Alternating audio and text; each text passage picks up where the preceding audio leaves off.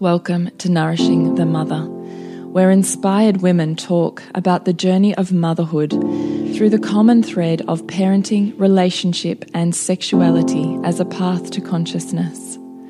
We ask, in what ways can we show up more fully, live more meaningfully, parent more wholly, and love more unconditionally? How can we mine the wisdom from the experiences of our lives and expand into those challenges? If you are here, you care about paving a path of conscious and intentional motherhood, connected with yourself and your gifts, and also illuminating your children in theirs, so we may raise more whole humans who can impact this world in a more humane way. And if you feel like giving a little back to this free content, please become a patron of the show and receive extra member benefits for less than a coffee a month. Or you can leave a review on iTunes and Facebook, all of which helps the podcast keep going and reach more mamas who need this type of tonic for the soul. Head on over to patreon.com forward slash NTM podcast to find out more. We are Julie Tenner and Bridget Wood, and we are so grateful you're here.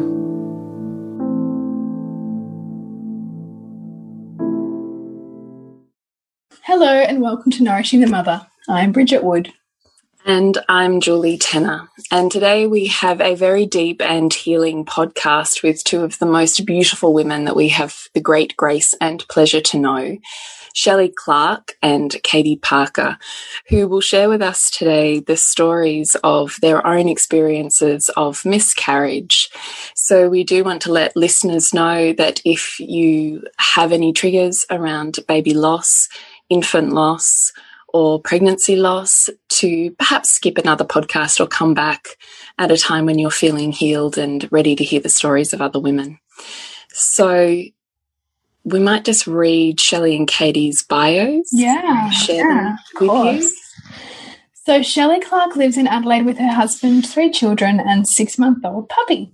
She works as a physiotherapist and craniosacral therapist. She is also an aware parenting and hand in hand parenting instructor and loves supporting parents through in person and online workshops. She is passionate about helping families navigate the everyday challenges of life. Shelley begins, begins, Shelley brings a warmth and understanding to everything she does and loves supporting others to know themselves more deeply. And the beautiful Katie Parker is a social worker, postpartum doula, parent mentor, and mum of two. She supports women during pregnancy, postpartum, and beyond to honour themselves in motherhood. She provides both online and in person pregnancy and postpartum care, perinatal counselling, group support, women's circles, and is now running a small group business mentoring program. Katie also supports parents to navigate the toddler and preschool years with a focus on connection, holding space for emotions, and setting boundaries with love. She is passionate about reparenting and loves working with mothers who are willing to do the work and heal their childhood stories. Beautiful. So I'd love to perhaps just remind you at this point in time to jump onto nourishingthemother.com.au, scroll on down to the red banner, pop in your email address, and we'll make sure you don't miss a beat on mm. what's out there in the world, what we've got going on and coming up, so that you have an opportunity to know, grow, and dive in. Mm. We also just want to let listeners know that before we begin today, that this is not a podcast of medical advice. This is the stories individually of two women who were themselves supported by medical care and professionals. So, of course, we encourage every individual listening to seek their own medical opinions relevant to their own situation. Beautiful. So now we'll jump into the interview. So, hello, Shelley and Katie. Welcome to the podcast. Hi. So, this is Shelley so that you know, because of course, if you're listening in the audio format, it's going to be you'll get used to their voices, but maybe we'll just welcome Shelley on first. That's a great say hello, so we get comfy with your voice. But of course, if you're in the Seek More and you're a patron supporter of the podcast, then you'll be live streaming and watching us live and all of the bits and pieces and chatter that happen either side of a podcast. So you'll know more easily. But for our beautiful audio listeners, it might be really gorgeous to have a reference for your voices. So, Shelley, would you like to just say hello? Hi, I'm Shelley. Um, thanks for having me. I'm very happy to have you here and your beautiful story. And Katie Parker. Hello, I'm Katie. So thank you for having me back. Oh, we're delighted to have you back. So, no, you go, Bridgie. Well, I was just thinking about how this came about, really, because Julie and I heard both of Shelley's and Katie's stories in, in quite a short time frame. Um, and both of us just had this incredible, like, reverence for hearing your story, but at the same time, this kind of almost heart crushing sense of like, if only we knew that this was possible in our own miscarriage experiences of miscarriage, you know, in our parenting journey. So that's really why we feel so strongly to be able to create this space to have these conversations with you both and are so enormously grateful for your courage and vulnerability in sharing those with us and, and our audiences. Yeah.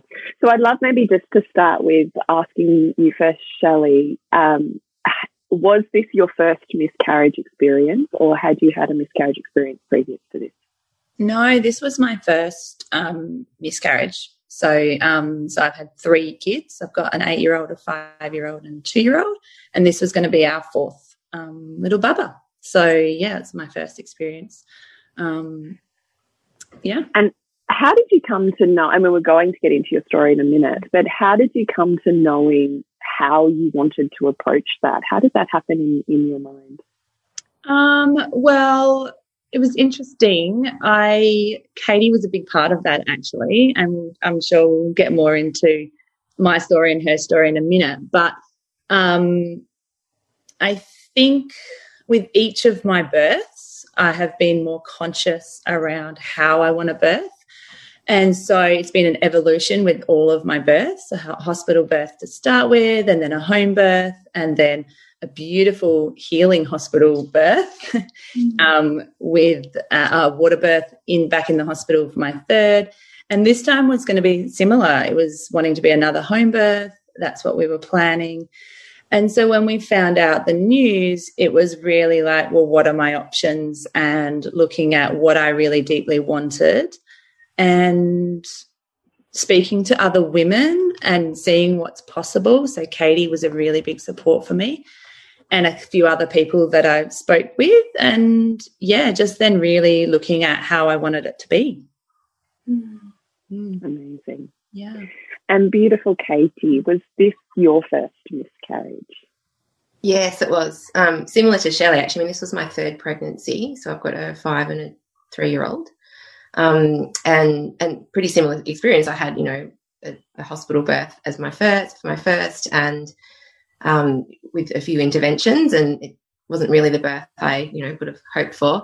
Second time round, you know, I had, I did have a very um, empowering and healing hospital birth with uh, with no intervention for that birth, and really, third time I was really hoping for a, for a home birth, and that had been my plan as well. Um, so yeah. and how did you come to knowing how you wanted to approach your miscarriage? Um,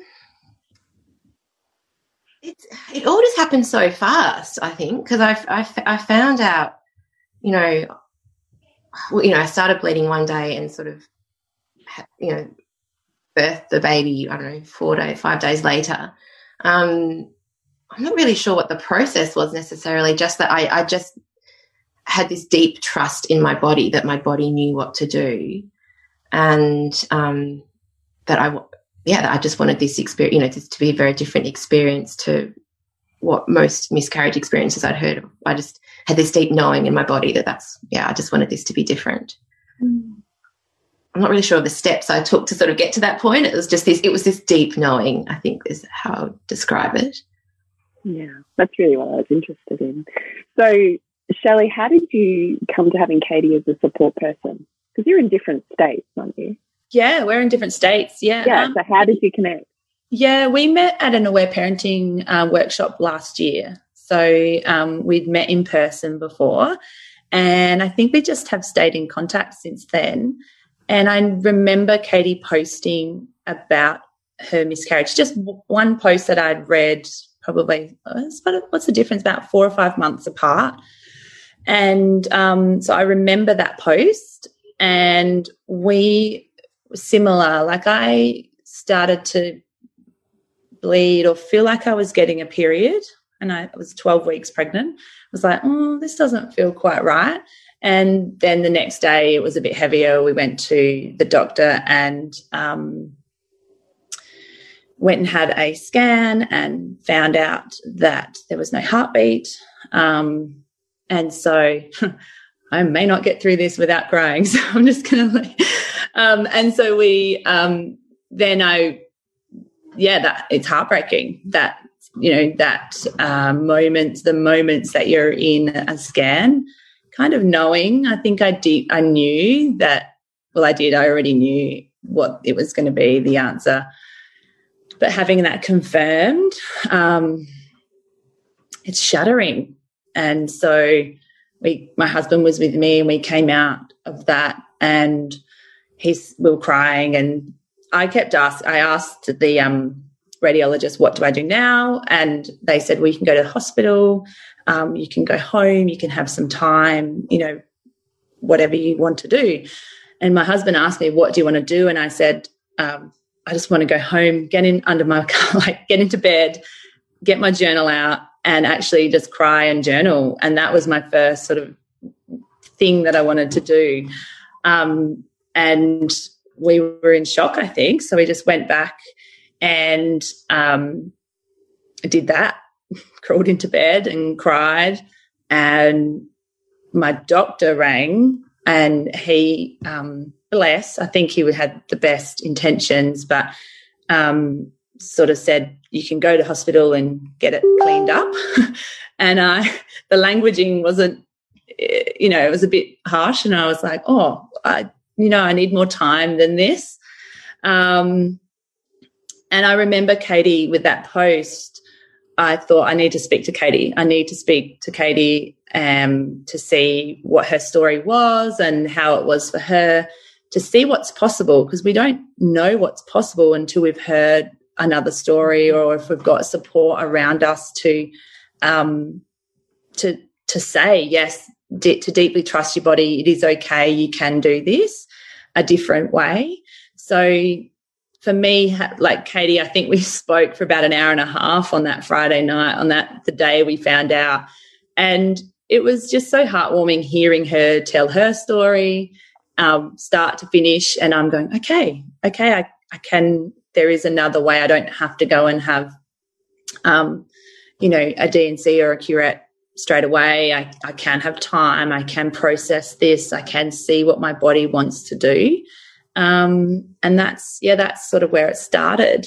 Um, I had other phone calls as well to a couple of um, my mentors that are, mm-hmm. um, you know, wise women in the world, and they shared their experience as well. One sort of um, sent through an article that they'd written about their own um, miscarriage that they had at home.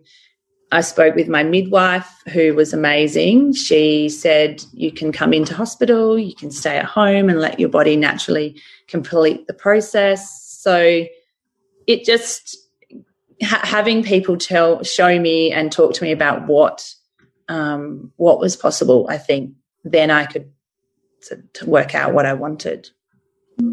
So beautiful, and ultimately that's why we're doing this podcast is because we want. Because how I mean, we're going to get to you in a minute, Katie, but how amazing that you wrote one post Mm. And I mean, how much do we also so much judge social media and sharing your lives and blah, blah, blah. And yet your one post and I imagine the ripples are far wider than, than even Shelley's incredible story. But your one post sharing has ripples of enormous impact on women you may never know. Like, don't you think that's extraordinary? Mm, I'm actually just getting goosebumps thinking yeah. about now because it wasn't just Shelley. I've had other people. I mean, I, not not in Shelley's exact situation, but other people contact me as well, and just you know, people I've never spoken to before. Um, just so grateful for hearing um, hearing of my experience and just you know sharing their own experience of how when they went through that you know that was incredibly isolating um, and difficult time for them and um, not really you know because I mean I talked in my in that post and I then followed that up with a with a blog article I wrote about a month afterwards um, you know talked about just the power of um, share, you know, sharing our stories and being supported by other women and having that circle of support around us. And um, yeah, I think that was quite impactful for, you know, I've had quite a few people contact me about that and yeah, share that. So I think it's extraordinary. Yeah. So that's our purpose of also having this, sharing both of your stories here and having this podcast is because Bridget and I are, are you know, absolutely believe in the power of women's stories and sharing of their embodied and lived wisdom and, and vast experiences because often we don't know what's possible until we see some version of it out in the world. And when our communities are so isolated, it's very hard to see a huge spectrum of possibilities. So we do think that both your stories, whilst different, are also so extraordinary in how they challenge the paradigm of what's possible in our cultural perceptions of miscarriage, which is why we're here to, to really share your stories. So I just wondered before we started, and because your miscarriage was first and informed Shelley's miscarriage, I was hoping it was okay to begin with your story, Katie. Would that feel okay for you? So I thought what we could do maybe first is just all of us take a breath together. How do you feel about that? You're okay with that? Because I do think also for women that are listening, particularly if they themselves have experienced a miscarriage, that your mm. stories may also hit pieces and places within them that need to be acknowledged and that they may have rushes or rises in adrenaline or, or feeling. So I just think maybe it's really worth just all of us, listeners included, taking a breath together. You think? Beautiful. All right. So wherever you are, I just want you to maybe give yourself a little wiggle and find find your pelvis. And then when you've found it, I just want you to breathe as deeply as you can breathe and expand. Is that, hang on a minute, is that your Facebook, Bridgie? That's not mine. No. It's just, it's be Facebook Messenger probably. Um, that's fine. All right, let's come back. So see if you can feel the base of your pelvis like a bowl or a vase a beautiful vase. And see if you can swell with your breath the base of that vase in a 3D capacity. Breathing out so it expands all sides of your pelvis.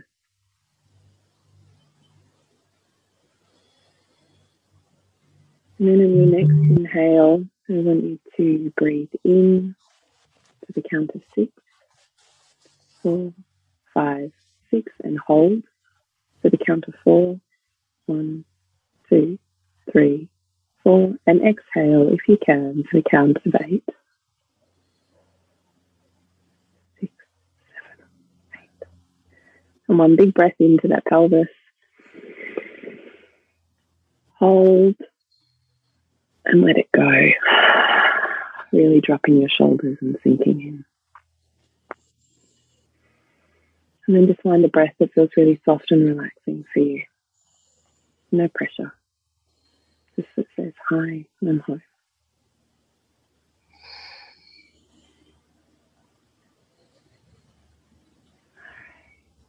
Beautiful, Katie. When you're ready, we would really be honoured to hear your story in all of its full colour and however you would like to begin it. Thank you. I also just want to say thank you for the opportunity to share our stories as well. I think there's so much um, healing in that as well. So thank you. Um, and also, I wanted to start by acknowledging that obviously this is my story, this is one person's story, and I also am aware that this may be triggering for other people to listen to. So, um, yeah, just sending you all who are listening so much like love and gentleness and yeah, I would just share my experience. Yeah. Okay. So I think um, it's probably worth mentioning that before I even um, became pregnant with this with this pregnancy, um, I was for, um, studying a master's of palliative care, and last year I was doing a research project, and for that topic, um, I had picked um, um, the support that bereaved parents experience after perinatal loss in the Gippsland area, which is where I live. Um, and so I wanted to examine, um, you know, I was wanting to make it relevant, obviously, to my master's in palliative care. And also to my new career, which was, you know, working in pregnancy and postpartum.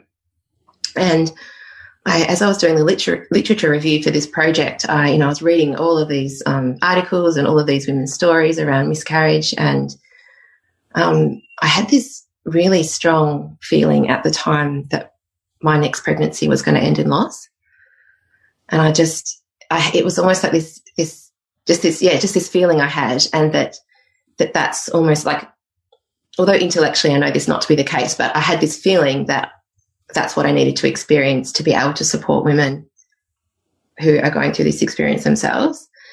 So that was just it was this really sort of strong feeling that was there at the time, and then it's and then it went, you know, and then of course a few it was a few months later that I then did become pregnant, and um, the pregnancy pretty much proceeded just like my other two pregnancies, which was basically six weeks of utterly horrendous morning sickness. Um, like I was bedbound for most of those six weeks.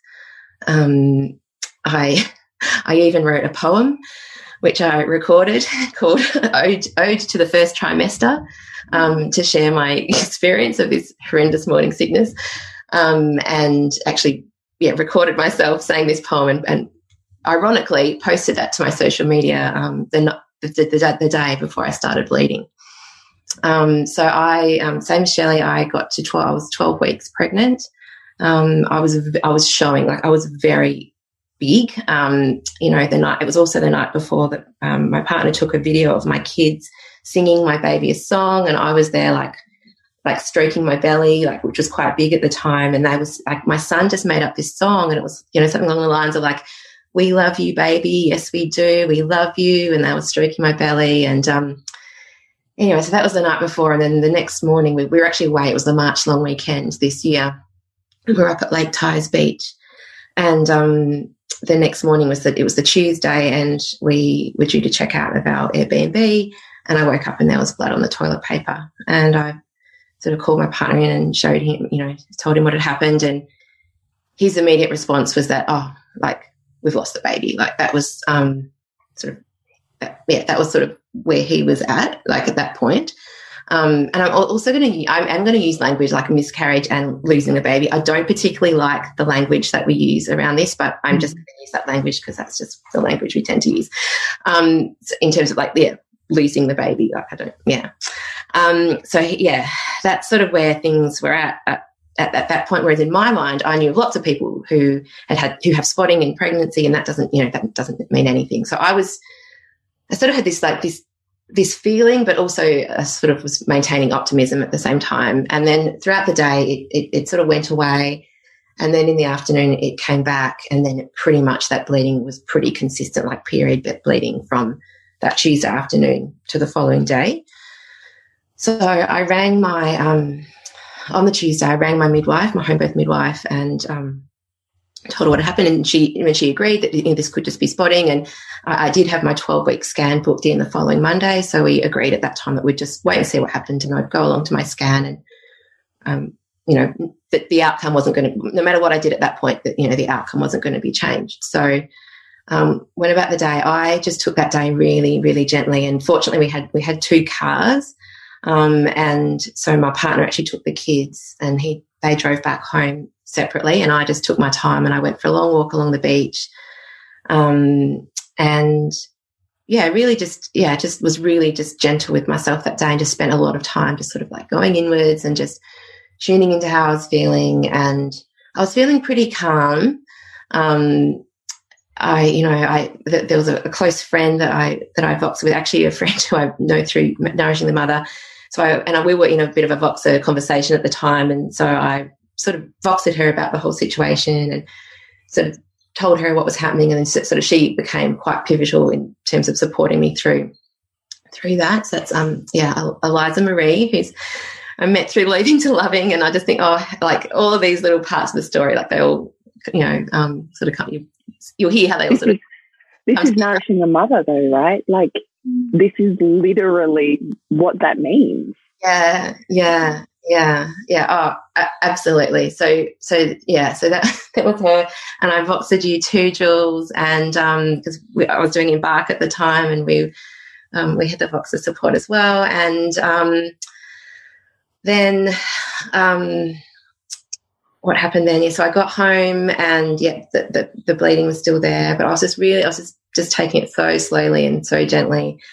And the next day I woke up and the bleeding was, was still there. And I was like, I, by this point, it had been 24 hours of pretty consistent bleeding. So I was pretty sure at that point that, that we'd lost the baby. And um, I, I, had planned to wait until the Monday to go to my scan, but at this point, I sort of, I just, at that point, I just wanted to know for sure. And I also.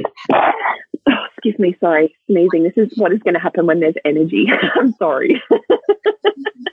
um, that's fine. Um, so I um, actually made the decision to go into hospital on the Wednesday, which was, was, just the timing was really weird as well because my partner had taken that those four week those four days off work of that week of the long weekend, and Wednesday was going to be our only day since we'd had children that we had the day together. Um, because any other time off he'd ever had, we'd always been as a family, but it was the kids like kinder and childcare day, and we decided that they would still go on that day and we would have the day together. So that day we ended up having together was spent, well, six hours of that day was in the emergency department of my local hospital.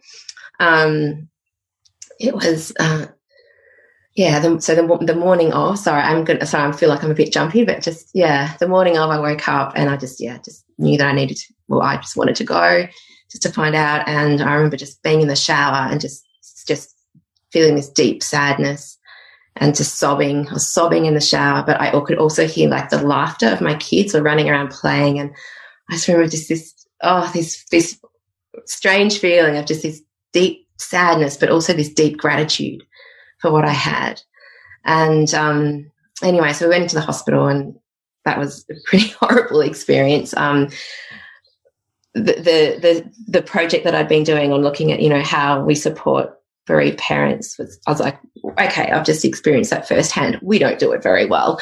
Um, you know, the nurses were very jovial and joking with me, and um, uh, you know, you know, threw me the hospital gown and said you need to put this on, and then I didn't want to wear the hospital gown, and ended up having this, you know, discussion around wearing the hospital gown. And then, it, you know, it, after this, asking me three times to do the hospital gown, it got documented that I was refusing to wear the hospital gown. And I was like, but I'm not sick. I don't, you know, and I, I, I know a lot around the psychology of hospital gowns and how disempowering that can make people feel and all, you know, all the rest. So it was just this not very nurturing experience at all. Um, you know, I had one of the emergency doctors come in just, oh, you know, you should be fine. Yeah, no worries. Like just very dismissive of the whole thing. And I'm like, I'm pretty sure my baby's died, but okay, you know.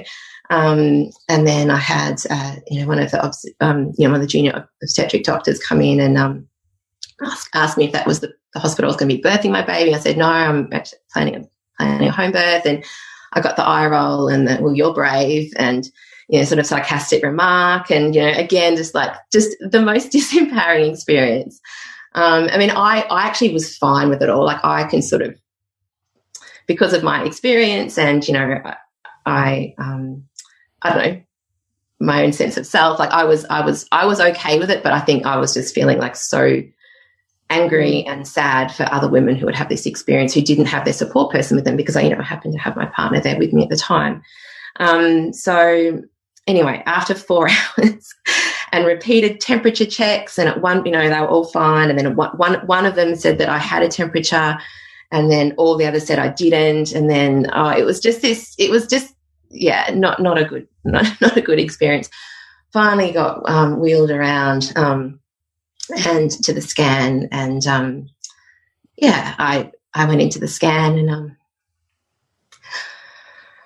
at that point, I just um, had my hands on my over my belly and was just crossing my fingers. I had this enormous sense of guilt that I hadn't been connecting in with my baby at that time, and I just crossed my fingers and I said, I'm sorry, baby, please. Like if if you're there, please be there, you know. And um anyway, we soon found out that there was no heartbeat and um and that there hadn't been a heart that the baby had stopped growing at seven weeks and five days, which was four weeks earlier. So it was pretty shocking to realize that I um had been carrying this dead baby inside me for four weeks. Um, and I was just was furious. Like I was just outraged at um, like the fact that I experienced this horrendous morning sickness for nothing. And I just felt that's that was just so unfair um, that I'd gone through that, you know, for nothing. Um, so anyway, we came out of the scan and I had a really big cry. Um, you know, then we had to wait, to, you know, and I just wanted to go because I'm like, all right, I know what to do now. I need to just go home and I need to birth this baby at home. And, um, but you know, of course, hospital policy. You know, I had to wait and for the doctors to come back and see me, and they were that that took forever. And then um, the the process of what happens next was explained, and you know, my, my th- I was given my three options um, of expectant management, medical management, or surgical management. Um, and I was being strongly pressured into having medical management. Um, and Can you just break those down in terms of what that means? Yeah, sure. Um, so expectant management is where you where you do nothing. You just wait for your your baby to to come to to be birthed. Um, medical management is where you take um, a, tablet, some medication to bring on labour, um, and I, um, and then the third option is a is a D&C, and so surgical management. And most people that I knew had had either medical management or or a, or a D&C, um, and I knew that I wanted to avoid those two options if you know if possible. And I of course knew that if I was to you know become septic or you know if anything was to go wrong, of course I, you know I live I live three minutes from a hospital, so of course I would you know be going back into that hospital and getting you know required treatment, but I was not feeling unwell at all. Like, and I kept saying this, I'm not unwell, I'm not unwell. And they kept bringing it back to that point that one temperature check had showed that I did have a fever. Um, but I said, like, but I don't know, 15 minutes later, they checked again and I didn't. And I'm like, I, I, am not unwell. I feel perfectly fine. Um, I want to go home. And then um, the doctor went away and she, I think she's on the phone to her consultant and she came back and she said, I just need to know why you won't take the tablet. And it was just like, it was just awful. You're incredibly strong in this process, mm-hmm. like incredibly strong, even to be like, I'm well, when the entire system around you is saying, you're not well. Mm. Yeah. That's, that's extraordinary strength. Yeah. And I think I'd also like just to say, like, if this, like, if this was me during my, you know, with my first pregnancy or even my second, I would, this would have gone probably very differently. Um, but yeah, I'm I'm a different person now, I suppose, than I than I was back then. And um, yeah, so I, I, think because I know a lot of people have said, "Oh gosh, I wish," you know, like sort of, and particularly for, I think for, for, you both as well. You say, you know, said that heart crushing feeling of, "Oh, wish we wish," you know, we knew that. And I think if I was back then, I wouldn't have known that there was this way of doing things either. So. Um, anyway, so I it finally got out of there. I finally got out of there, and um, with Can no, I ask what what reason did you give for not taking the tablet? What did you say to her? Um, oh, I actually, I actually said, I said, oh, I said, I've had a friend that had that, and she said it was horrendous, and I don't want to have that experience. I, I, I sort of just made something up. I, I, I, didn't. I just sort of, yeah, I didn't really have my proper. I could have given a much better explanation, but I just, I think that just is what came out of my mouth at the time, and I think I'm still a bit in shock as well. And um, absolutely, yeah. what answer would you give now? Um, that I that I trust my body and I trust that my body knows what to do and that I want to let I want to let my, my baby come in its own time. Probably. Yeah. And I, I, I was I was and you know, while reassuring her as well that I'm also like very like I'm very in tune with my body. If anything was to go wrong, you know, if I was to get the signs of sepsis or anything, I'd be straight back into hospital. You know, I'm not also not stupid. Like I, you know what I mean? Like I'm not going to ignore, um, sign, you know, those sorts of signs. So yeah, so I finally got out of there and, um, came home and just, oh, I think my partner went and picked up the kids and I just, I remember just sitting, it was a sunny day. I sat outside on the grass and just, it was just it was a real was, it was quite sort of quite surreal like sort of what you know what do i do next sort of thing um, and so I, yeah so i was in my box and i you know that i pretty much had this like i already had set up this like circle of support for myself without even realizing it because you know i was voxering with eliza with you jules with Lael, um, my other mentor and you know, I was just getting the most incredible support, or, like already before anything had even really happened. Mm-hmm. And so um, later that night, sorry, let's pin that for just a minute, just to hone in on that. So, what I find interesting is just also flipping what support looks like. That support can look like something that's virtual as opposed to something that's physical. Are you able to just to talk around that a little bit more when we talk about resourcing ourselves to be nourished? Yeah. Oh, sorry. One other thing I forgot to mention when I left when I left the hospital, there was no. Um, I was literally left with no support.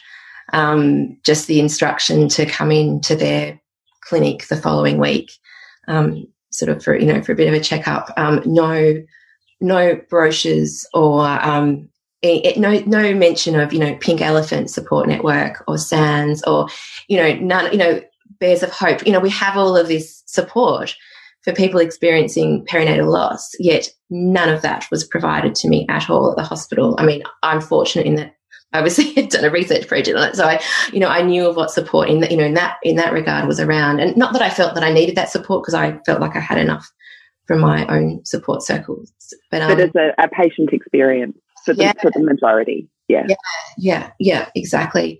Um, so, yeah, the difference of the so what did you want me to do? Just break down the difference? Well, I just think it's fascinating because you and I, and, and I imagine you too, Bridget and Shelley, all are, are women who, who have found enormous network and support in finding our niche community, tribe, and group of women that hold, sustain, and nourish and support the way that we see life and parenting and, and all of the things in that, right? And we've found that because it doesn't exist in our locality, but exists essentially across the globe, and we've been able to resource ourselves with a support network that that is virtual.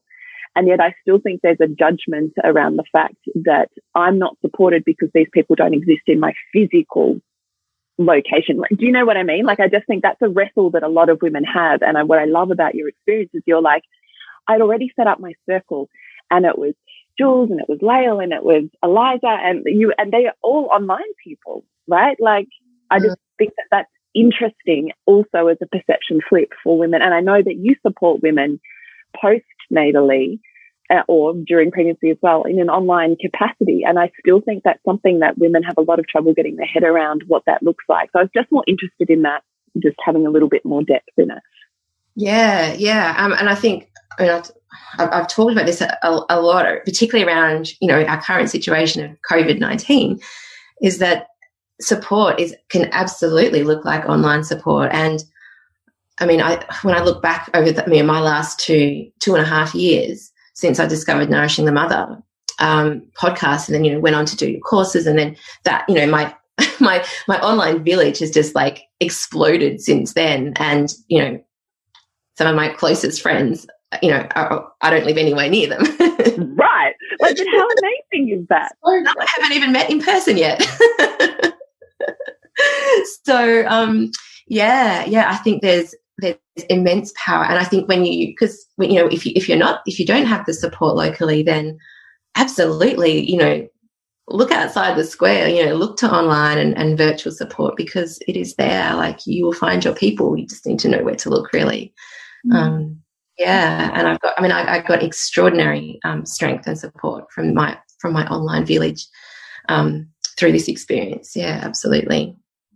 And I wonder if how that also helps, you know, because often the experience of miscarriage for women can feel really isolating, not only because it's not widely spoken about, but also that our partners can often have a very difficult time knowing how to hold us or be in that experience with us. And so that can also feel further isolating and disconnecting if we are looking to them to be supportive when we haven't actually given them permission to know how to do that for us. You know, often we're, we're having to look outside into those other networks and to find that. And so, did that also help you with your relationship because you had all these women mm-hmm. holding you at the same time as as you know you guys having to figure out that between yourselves? Was that helpful? Oh yeah, yeah, definitely, absolutely. And you know, my partner, oh, you know, he's not a spiritual person. Um, and so a lot of the spiritual support that I received at this time was obviously from other women mm-hmm. um, in that circle of support. And I, you know, I had the, the physical holding from him and obviously emotional support as well. But, um, you know, whole layers deeper from from from that online support. Yeah, for women and knowing where to find those women. Yeah, it's yeah. beautiful. Thanks for sharing that. Yeah, thanks. Um, yeah, so that so that night, you know, so the kids came home and we we shared with them what had happened, and um, there were a few questions and How was that? Can you string that out a little bit because that's often something women struggle with too. Is oh, I should keep it hidden from my children because they can't handle it. Yeah, I know you're nodding too, Sally. you're input on this too. Is this what does that look like? How did you approach that? I mean, obviously you have a huge grounding in in parenting and how to hold space for children what do you think about keeping this aspect of life or death hidden from them versus sharing the experience with them? Mm, well, my personal belief around that is that it shouldn't be hidden. Um, so we pretty much had told the kids about my pregnancy within a couple of weeks. I pretty much when the when the sickness started, um, we, we we shared that with them. Um, so yeah, so I, I don't feel it should be hidden at all. Um, I think in you know many cultures around the world and and and ours you know a few hundred years ago you know the whole you know the whole um, family would be included in, in rituals surrounding you know birth and death and that sort of thing so um, I, I, see no reason to keep that hidden from my children um, I, I, I also think back to my own experience as a six year old almost seven year old um, when my my brother died as a baby and I mean, obviously, I knew that he had died because he was he was born and then he died two days later. So it wasn't that the death was hidden from me, but my mum, my mum's grief was. Um, I, you know, I never, I, you know, it just wasn't spoken about. I never saw her cry. I, I never saw her grieving. Um, I mean, she died a few years later, but from what I'm told, you know, from my dad, he says, well, she just wanted to be strong for you guys and didn't want to, um, you know, show any emotion. because She didn't want to make you upset. And while I completely honor and appreciate where she was coming from there, I think I, I have a different um, perception around that and sharing that with children. And I think it's been very um, important for me and for my partner as well to share that with the kids. Um, and particularly just, you know, just recently, uh, a couple of weeks ago, it was Pregnancy and Infant Loss Remembrance Day. And I decided that I wanted to attend the SANDS service, remembrance service, and that I wanted the kids to be part of that if they so choose to, you know, like obviously no pressure or anything, but explained what it was and did they want to come and come and be part of that? And they did, and it was an incredibly powerful evening. Um, just sitting as a family, you know, with our candle for our baby burning, you know, around the computer screen on this Zoom call, um, and you know, answering questions that came up along the way. I think that was just like, yeah, I personally believe that was really important for my kids to experience that as well. And how did you explain it to them? what sort of language did you use with them? Uh, just really simply, um, just on. I was just uh, my uh, my thing was just being simple and honest around the whole thing. So just that the baby, you know, they they knew there was a baby in mummy's tummy and that the, and that the baby died. Um, that's pretty much that's pretty much how we explained it. Um, and how did they process that? Um, well, my three year old didn't really like she didn't really get it, I don't think. Um, I mean, although she has come to me other um, questions and comments, you know, since then. So I, you know, at the time I felt like she didn't really understand. Um, my five year old, he, yeah, he, he, he had some, I can't exactly remember his responses, but he had some pretty thoughtful responses to that. Um, you know, and he, he, he'd ask, you know, he'd ask questions, like he'd ask questions around it. Like I could really see that he was trying to make sense of that as well, of what had happened. Um, just trying to think of some of the questions he asked me. Oh, one of the things was a few weeks later, and my stomach was still quite big. And he said, "Well, mummy, if the baby died, why is your tummy still so big?" and um, you know, like he, it was just him, sort of, you know, like just you know, just making sense of all of that. And um, yeah, yeah. I think I think they I think they've processed I think they've processed it pretty well from what I can get from what I can gather from the conversations we've had. It all seems fairly appropriate. It's, so interesting, isn't it? That idea that parents might often have that wanting to protect their children, but but you remember the felt sense of, of, of um, almost instability likely that that created for you as a child because the reality is our kids are feeling everything even if we're not putting words to it so by bringing that, you know, that to the surface and allowing that to be healthily processed is actually really empowering for children and, and that they they're more almost connected to the cycles of life than we are because they haven't been indoctrinated and out of those normal processes um, of, of and movement of energy and of nature and all of that stuff that as adults we can um, be disconnected from. So I think it's really beautiful that you can have that that insight. Thank you.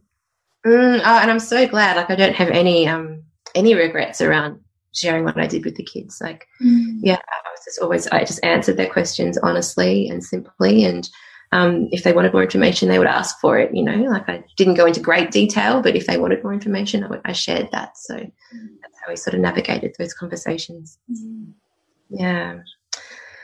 So then, so that was the so this is the Wednesday night. Um, I also had um, I had booked tickets to come to the Seven Sisters Festival um, that following weekend. I was due to drive down on the Friday, and I really wanted to have birthed the baby before I went.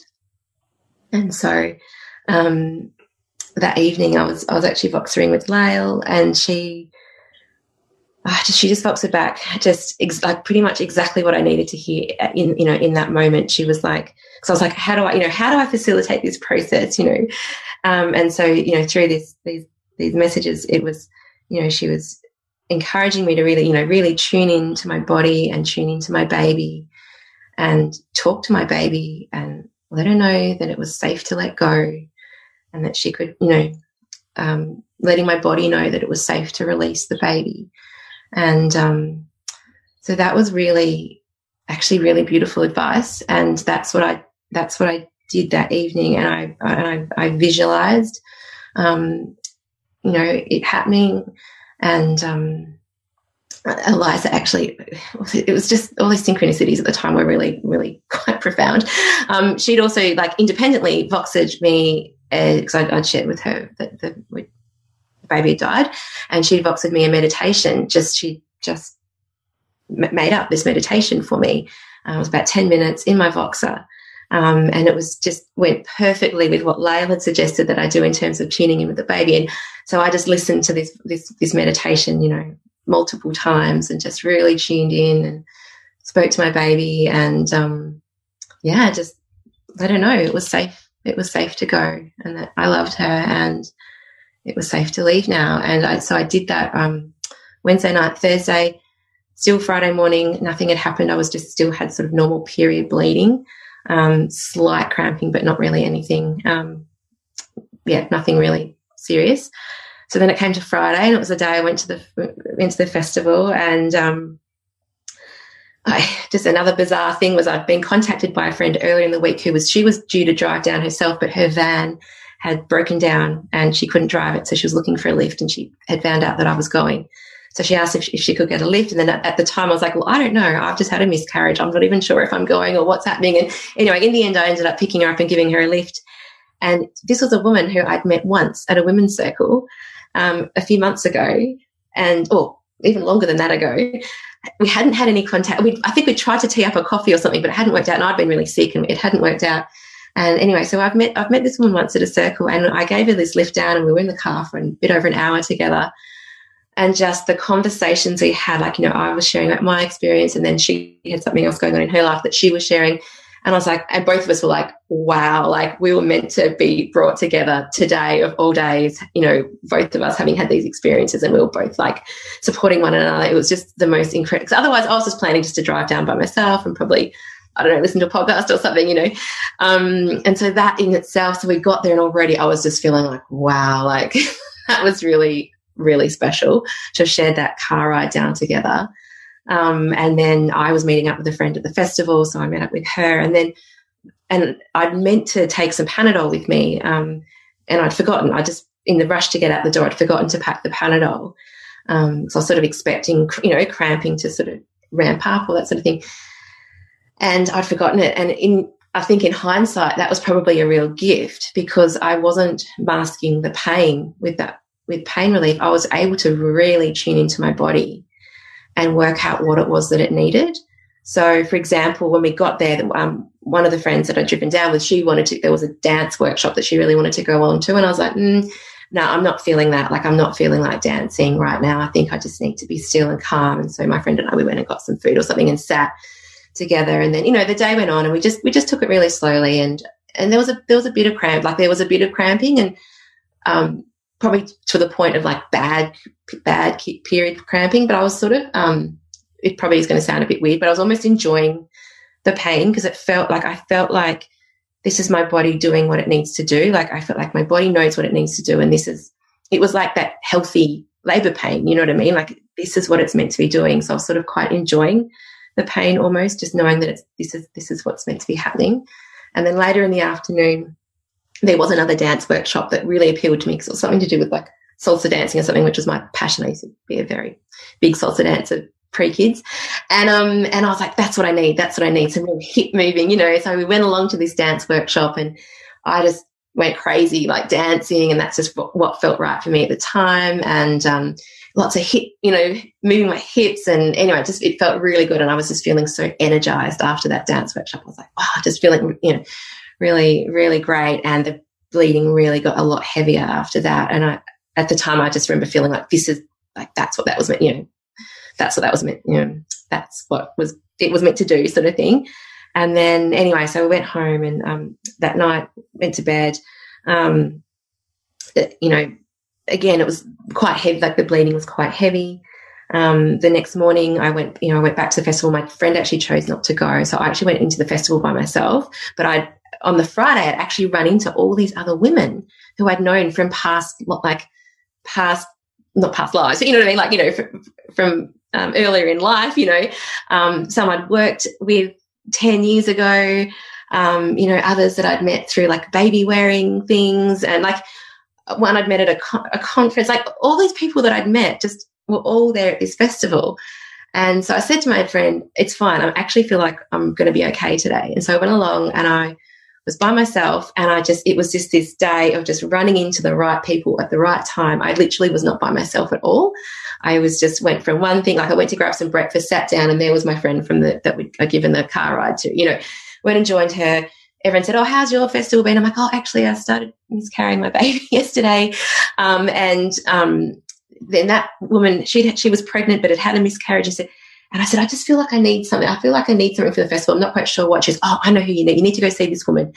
And um, so I'm like, oh, okay. So I wrote her name down and I, am like, okay, right, needed to meet you then. And that was her friend. And it was just all this interconnectedness of everyone there. It was so amazing. And so then I went off to search for that woman, but in the meantime, found someone else. And then we had a coffee and then we got chatting. And then I ran into some other old friends who only, I only ran into them because this other workshop that they were going to have been cancelled. So they'd come to another one, which is why I ended up running into them at that particular point in time. And then, so I was there with my friend and her wife and her wife's best friend was there and she was a, a, a midwife. And so I got chatting with her. And then while I was chatting with her, I felt this enormous gush. And I was like, I, I, I need to go. And I took myself into the bathroom. And um, that's pretty much when um, the whole process really started. And I um, was in the line to the bathroom and I felt another big gush. And I was waiting and waiting patiently, like in back in the line, and then I saw someone come out of the toilet cubicle, and I just ran. I just said, "I'm sorry, I'm having a miscarriage. I need to get in there." And then this woman who was at the front of the line just said, "Oh, oh, honey, oh, I'm I'm here for you. I'm holding space for you. I'm right here." And she stood outside the cubicle and she started singing to me, and it was just like so amazing. So I'm sort of I, I won't go into all the all the details, but I was on the toilet. There was a lot of a lot of blood, a lot more than I thought there was going to be.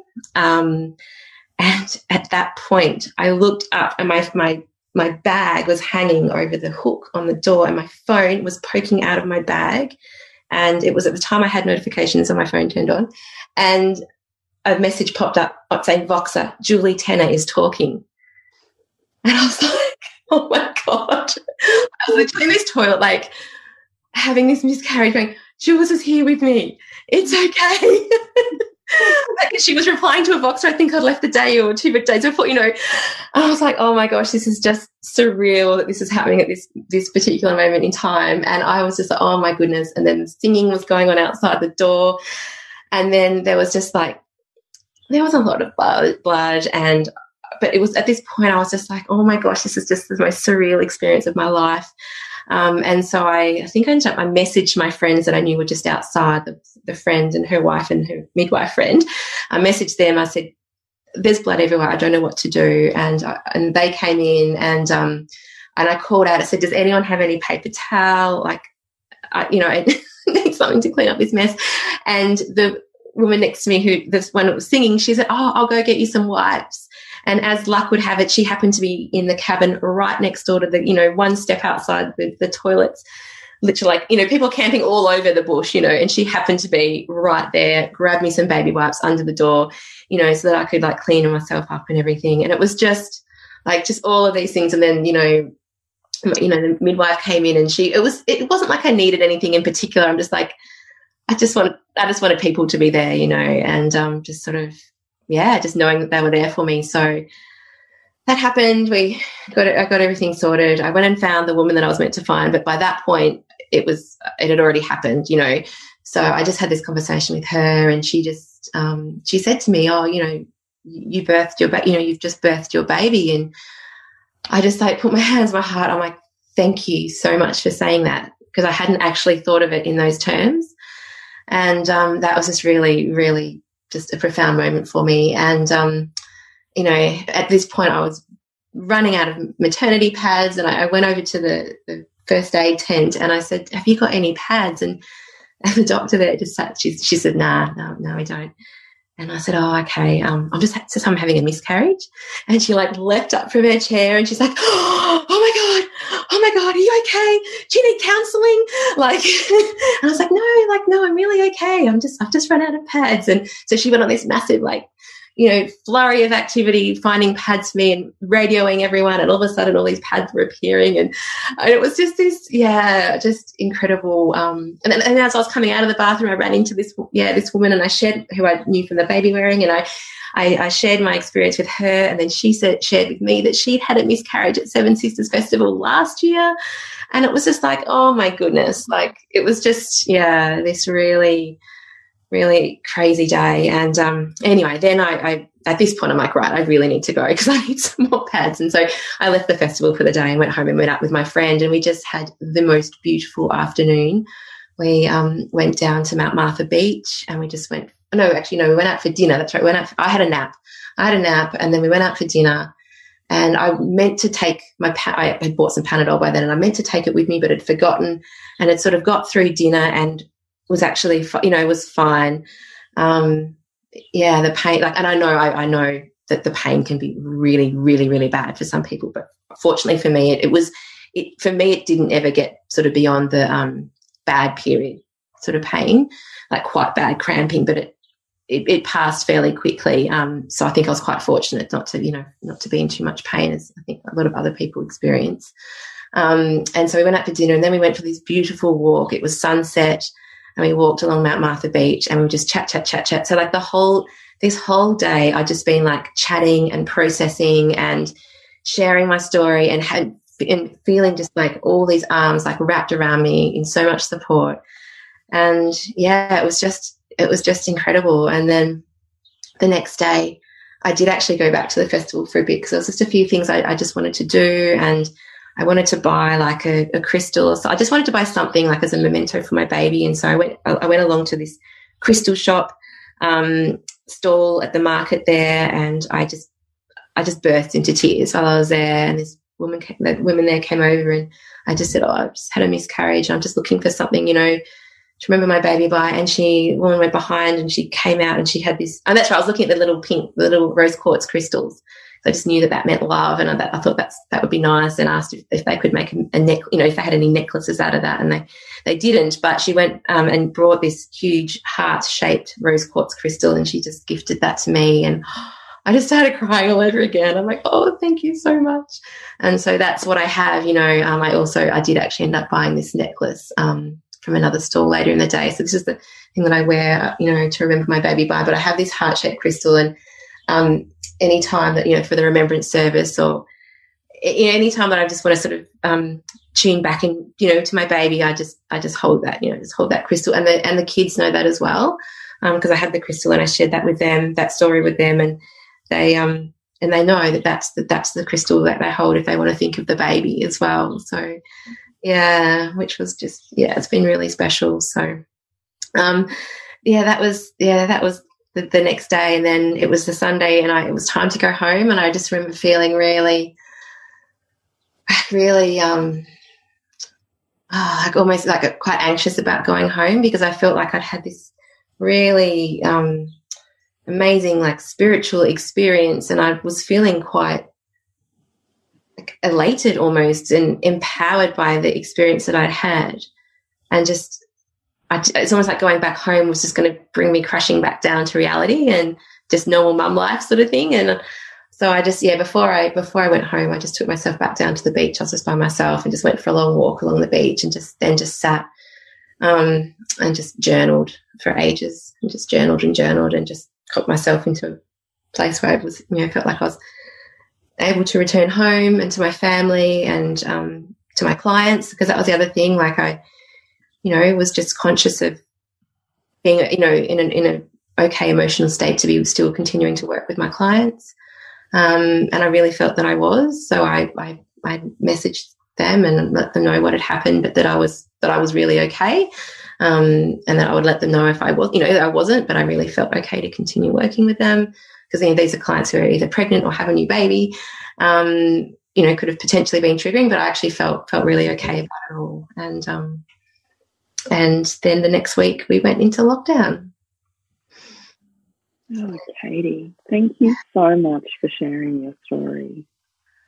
Thank you so much. It's, it's, such, it's such medicine to hear. Mm, so I've probably, I've probably left out so much, but I'm just conscious I've been talking for a really, really long time. no, I really, I really appreciate it. Thank you. Mm. Yeah. Before we move on, is there anything that you'd like to reflect, Shelley or, or Bridget, before we move to Shelley's story? Um, just thank you for sharing, Katie. You know, it's um, always nice to hear other people's stories, I think. Mm. Mm, well, I, what was interesting, I think, is I mean, I know you're, you're going to go into share your story, Shelley, but was how similar our stories were, even from the time that we started bleeding to the time that our babies were birthed. It, like, there were so many similarities in that. It was really quite uncanny, wasn't it? Mm. Yeah. Yeah, it was. Mm. And how was your return to home? Can I just ask, how was that? Did that feel okay in the end? Yeah, yeah, yeah, it did. It felt okay. I, I mean, I, I then launched into craziness because I, I then know because I'd been feeling so, so sick, and all of a sudden I felt amazing. Physically, I felt amazing, and my energy, you know, because I wasn't fatigued or sick anymore. I um, had all this energy, and I pretty much put all of that energy into moving my business, entire business online. Um, so, you know, I had mother's group I was about to start running that I had to cancel. And, mm-hmm. but yeah, so I just, I think, yeah, I, and I felt really, really, really okay with that and, and have done since. Um, I felt. I, I want to reflect here before we jump into Shelley's story, just how profound it is the gift that you can be to other women when you prioritize your own processing and healing and the value that you put on being met and seen by other women and and prior and, and, and having that having reverence for that because just like we talk about mothering you know you can't mother from an empty cup I mean you can't you can't be medicine if you're not first allowing yourself to be met by the medicine that can be offered by the world and by women when we open to what's there because those synchronicities are just profound that you you know brought in on that weekend and the, in the lead up to that. Like, mm. I just, you know, as a woman who had a miscarriage and had no concept that there was anything but having a D&C, you know, and not really feeling anything and, except the gaping hole of like what was there and then, then what was gone and trying to figure that out. The, the gift of being able to move with your body and with women through that is is just quite profound. So thank you. Mm, yeah, no, it, yeah, it really, it really was. And I think, I, I, think the post that you're referring to, Shelley, like I did talk about how for women who've gone through perinatal loss, it's, it's just as important to honor yourself as you would in your postpartum with a live baby. Mm. And so I did go and give, you know, I did honor myself and rested and, you know, wrap myself up in the support that I need. We had meals being brought to us, you know, like I, I, I did exactly for myself what I would do for a client, you know, in that situation. And I think that was really powerful to have been able to give that to myself to know that that's what is possible for other for others. I think that's so important because you have just given birth. Your body has physically just given birth. Yeah, mm. definitely. Mm. All right. So what we would love to be able to do is honour your story, Shelley, and hear it from wherever you would like to begin the story that is your experience. Yeah, sure. And I think, um, firstly, thanks for having this, like having us on and giving us a space to share our stories. And Katie, I just want to honor you and all your reverence um, because it really did help me. You know, I heard that story. That's basically kind of what we talked about that night. Um, and it meant so much to me because it gave me another another option really so i just want to say thank you to katie i also wanted to um, you know say again that this is my story and that i know many people haven't had um, the opportunity to experience miscarriage in this way or loss in this way. So i'm just sending lots of love to everyone out there as well that's the that are listening and um, that there is always chance for healing. So um, you know, if if this wasn't your experience, then there is a chance to look at what it was for you and um, and process still, even if it's many many years ago. Um, so yeah, my story started. It was interesting because I we had been tossing back and forth around having a fourth child, my husband and I, and we always thought that we would have three. And then after having three, I just didn't feel done. Um, I had that yearning for another child. And so we, months were spent talking about do we go again? Do we have another one? You know. And I think it was Mother's Day. He said, "Yep, yeah, let's do it. Like, we'll go for four. I'm not quite sure what life will be like with four. And I know Jules, you're actually a big inspiration because I was like, well, Jilly's got four, and I like seen her talk about it, and so you know, we decided to have four, and then all of a sudden, we were pregnant. We didn't even really know how. Well, we know how, but um, it uh, it was a bit of a surprise. It sort of happened really quick, and interestingly, now it was almost like this miracle baby. Kind of, we were pregnant before we even had really kind of officially started trying. And um, and then so yeah, we were pregnant. I had the morning sickness, similar to Katie, that tired first trimester. Um, and with my other three kids, I had quite large babies, like over four kilos babies. My last two were 4.8 and 4.7 kilos, huge babies. Um, and my midwife, after casually after my third, said, "Oh, maybe you have undiagnosed gestational diabetes," because I would always pass that test, but maybe it's something that we've missed in, you know, because you have big babies, but you never know because you weren't going to have another one. And so I had that ringing in my ears, and I went early. I booked in to see a specialist or who, someone who works with gestational diabetes. And I did the test. I did the test early, the blood glucose test early. And um, I actually got the results back for that on the Thursday.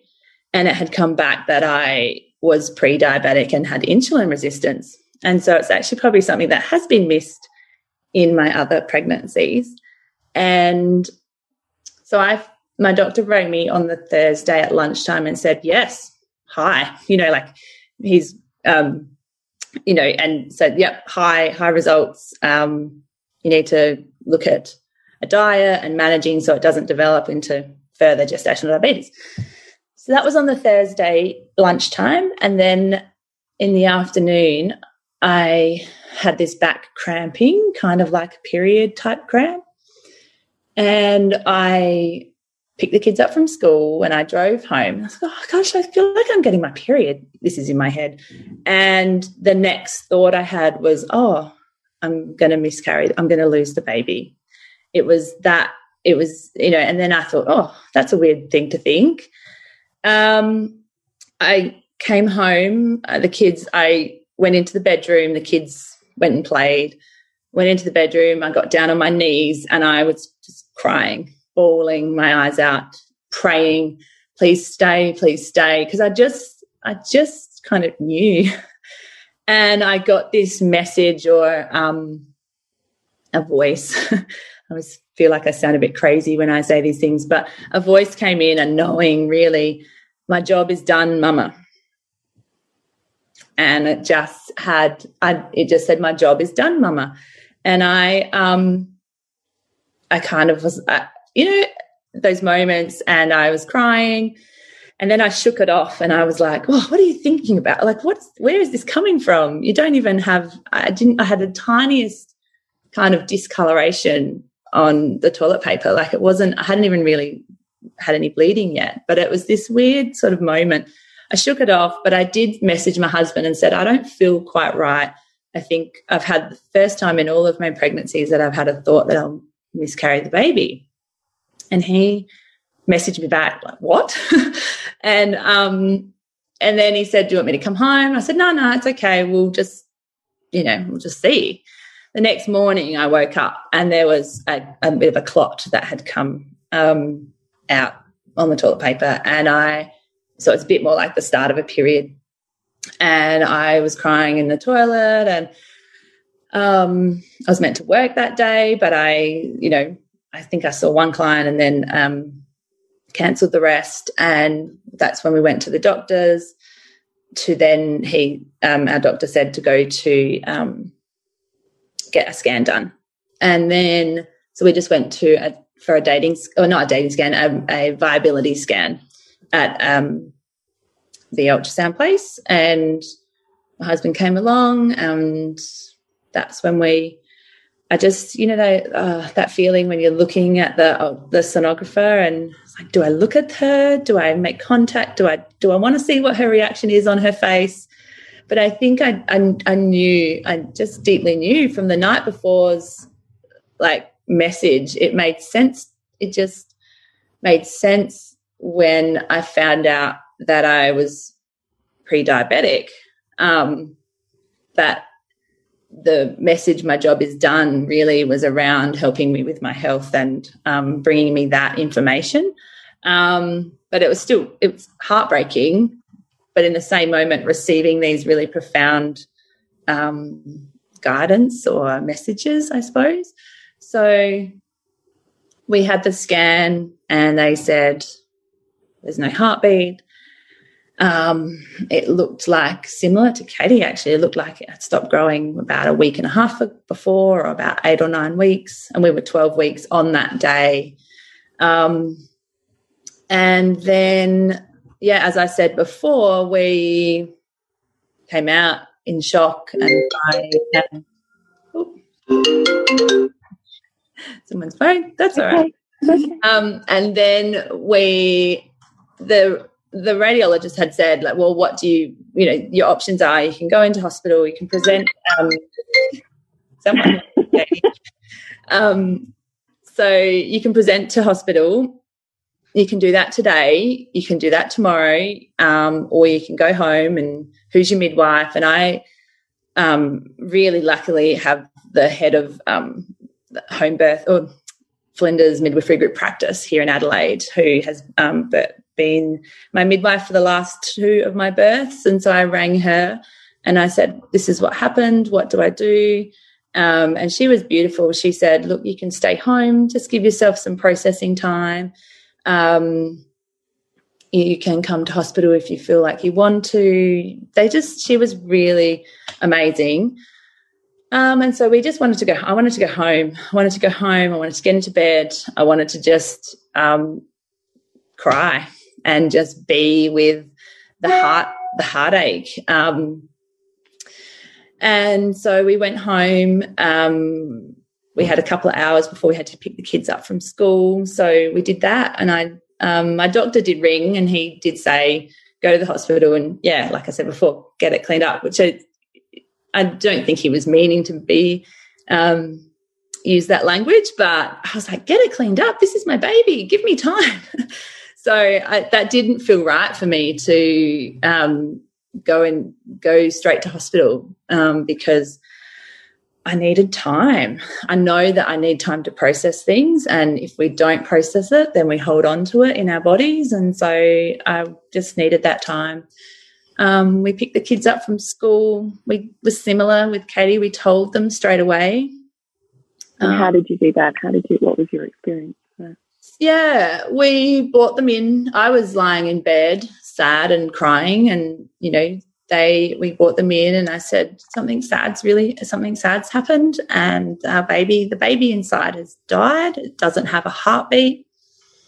And um, I said and mummy and daddy are a bit sad about that. And they you know they didn't necessarily know in the moment what had happened and um, they reacted really differently. It's interesting. So I've got eight year old and eight year old and five year old. The two year old was with us the whole time, and he he stayed close and snuggled because they they know they feel us, and so it was really important for me for both of us, my husband and I, to tell them because they know anyway. And if we're saying no, no, nothing's wrong, but something is upsetting, it's confusing for them. Mm-hmm. If we're not congruent in our you know what we're saying and what they're fe- what they're feeling.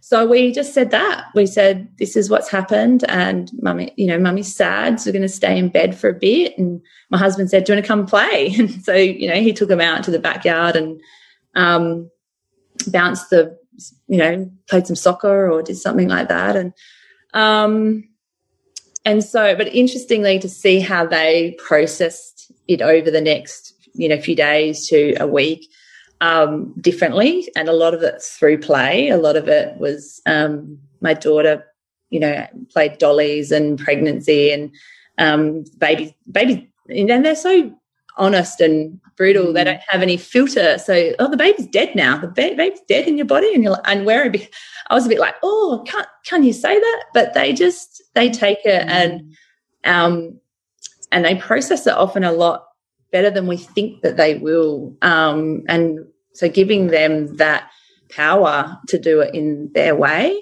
So, and my son, who um, it was really interesting actually on a side note on what how we process grief with our kids and how there's some acceptable kind of the things that we think are acceptable ways of um, processing grief and other ways that we want to shut down but actually everyone's got their own way of processing grief and there's no right or wrong way like my daughter wrote a card to the baby and she wrote it out saying, um, I hope you have a nice time in heaven. We will, we love you and we'll miss you. And part of us is like, oh my gosh, that, you know, brings up tears and, and, um, and then seeing how my son who might, who sort of said, oh, that's good, you know, like, and seemed quite, um, uh, not connected with it or oh that's good. At least now we'll get you back to playing. At least you might won't be so sick anymore. And just really saying um, what is on their mind and noticing that like part of me wanted to be like well can't you be more um, you know can't you be more empathetic like your sister? But actually his his way of processing it was very different to my daughter's and recognizing him that that they're both um, they're, they're equally beautiful and there's no right or wrong um, and trying to meet him in that. So then i played yeah yeah like and it was funny responses from me but he was going oh that's good. I, I just wanted to um, what did he say? Put it in the bin anyway or something like this. And so things that we as adults would go no you can't say that. You can't say that about something. But I'd like, oh yeah, maybe we could have sold it, or you know, like just sort of playing using attachment play um, oh, fuck, you know, mate. That's amazing that you were able to do that in your grief. It's like profound. Yeah. yeah, because there was parts of me that were like, oh, you can't, you can't say that. But at the same time, realizing what's why he's saying it and under, underneath the things he's saying is how he's processing it. And so mm. I suppose for others that are listening, if your children are saying things that we think are like inappropriate, but just to realize that it's his way of processing what's happening. And if you can put attachment play and play with it, and there's lots of laughter around where we were putting this baby. And and so, but because of that, afterwards he then would come to me and snuggle in and say, "But mum, why did the baby die?"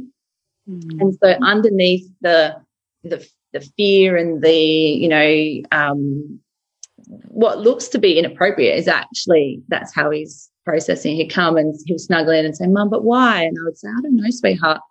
Some things these these just happen sometimes. We're not entirely sure." Um, and so it's just interesting seeing how differently they processed processed it. And it was all through play and through laughter um, and recognizing when their behavior was, you know, a bit funny, um, that what was underneath that. Mm-hmm. And, um, and also being really reassuring to them that mummy and daddy are sad at the moment because this has happened, but we're okay and we're getting support. And so you don't have to worry about us so that they didn't, you know, take it on or feel like they were having to look after us or anything like that. So um, we're really so, conscious. I love that so much.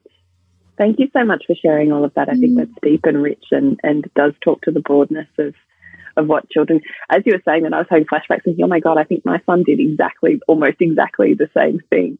And mm. I remember that feeling of like, ah yeah. yeah. so I think that's so mm. that's so beautiful to to share that experience. Yeah. And I think it's also really helped because I had very similar to Katie, very online, my virtual village around and, um, you know, Marion Rose and Lael Stone to, you know, amazing women.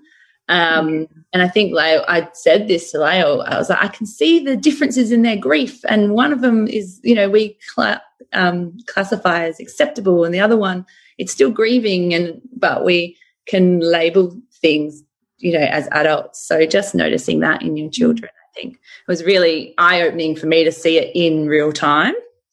Mm. Um, so anyway, that's a side note. We got the kids home. Um, we told them the Friday night. I think I messaged Katie that night and said, this has happened. And she said, I'm going to phone you. So we phoned and she told me that whole story. Um, and I was like, okay, I can, I can do this. I can, I can stay at home and have my baby. Um, and that's what I wanted to do. And so we, I talked to my husband and said, I think I want to stay home. Um, but interesting to note, I was like, I think I'll, I'll stay home until Sunday. And I, you know, put it the way we put a, a, limit on it and go, all right, but body, you can do your thing, but you've got two days to do it and so even noticing my um, conditioning around that. Like, um, and so on Saturday, I just, we didn't do much. We actually, on Saturday morning, we phoned a friend of mine who came over um, and did my makeup, and we went and um, got all adorned. I bought some flowers and put them in my hair. And because I realized we hadn't had any family photos with this little bubba, 12 weeks. And um, so we went down to the beach and we just took some family photos and took some photos of me and of the kids and of all of us together. So that was really beautiful. Can I just step that back a bit because that was part of what I really adored about your story was a different version of honoring self, the experience of the family, and um, reality that would have been or was up until this point in time. That I thought there was something profound and anti-cultural in a lot of ways to create um, beauty and and reverence around loss. Mm-hmm. So, do you mind if we just yeah. slow that little part down a little bit? Is that all right? Yeah. So it was beautiful Sarah Wake, wasn't it? Yeah, Sarah. Yeah. So, so yeah. magnificent woman. Did you meet her online, or was that? Oh, yeah, amazing. So I met her through um, through you, through you. Was it Queen School? Was it in Queen School? Yeah. So we met through Queen School and then we lived like five minutes down the road from each other. And so we had met like yeah. It is amazing. it's amazing. And so now we've we've connected a few times and message and hang out. But I messaged her mm-hmm. that morning and said, This is what has happened. Because um, we were actually going to do something similar anyway um, on that weekend, but she was going to do my makeup. We were going to go and do a photo shoot together, like just to take photos for like our businesses and stuff. Um, but I'd messaged her and said, this has now happened. And, but could you still come, do you mind coming over and doing my makeup? And, um, that adornment, which she talks so much about, but also mm. similar to when I had a mother blessing with each of my births before birth, I really honoring the mother that I'm about to become and um, honoring the birth of the baby and being supported by women. And I know, Jules, this is, you know, your thing as well, but it's like, this is what you do. And this is why I, I love this work. Um, and so I didn't have that yet. This was my opportunity to do that. And I think because I what had what had happened in your head to make you decide actually I actually want to do this? Like what had happened in that? Because it's kind of I love what you're saying. It's kind of like having a blessing way, but but for this baby that's mm. leaving us sooner than we thought. Yeah. Yeah. I think for me, I always honor that spiritual aspect. Um, and the um, I don't know what the process is because I see I see every birth as a birth of a new um, me and a new um, and the baby coming through. Um, and so it just overnight, I was like, this is what I felt like I needed when I was journaling. I was like, oh, I need, I need to have family photos. It was almost like we don't have any family photos. I want to remember this moment. I want to remember um, us and this and and like timestamp this time this moment. Um, and so, why is that important for you to remember this moment? Um, great question. I think because these are profound moments, and that when we honor them, it it completes a process or it feels um, integrated in our system. If we just, I, I was really conscious of the urge to skip over it and just my urge to i can see why I, I, there was a desire. I'm like i'll just go to the hospital and get it done. Oh you know it'll because it's, it's a strange feeling knowing that your baby has died inside and that you haven't given birth but how does you know what happens next? It was a very new experience. Um, like other than katie's i hadn't heard any one going through it. Um, and I could, I had to resist that. You know, the really, the time when you would just want your baby out when you're about to give birth and you're overdue and you just want it out and you're like done and you can't wait any longer and you want to go and just say, induce me. But you wait and you wait and you wait. And then the, you have the baby and then a week later you're like, what was so hard about waiting? um, it's that it was, it was that same feeling. I wanted to skip over it and just have it done but also I knew, I just knew that I needed to stay in this moment. I knew I needed to honor this moment. I knew I needed to celebrate it and, um, yeah, really honor this process. Um, so yeah, I don't know the, if there was a decision, but it was just I knew I knew I wanted to take photos. Um, so beautiful. Mm. So that's my. I'm going to mute myself in a minute because my husband's like at five. I don't want it to irritate our story.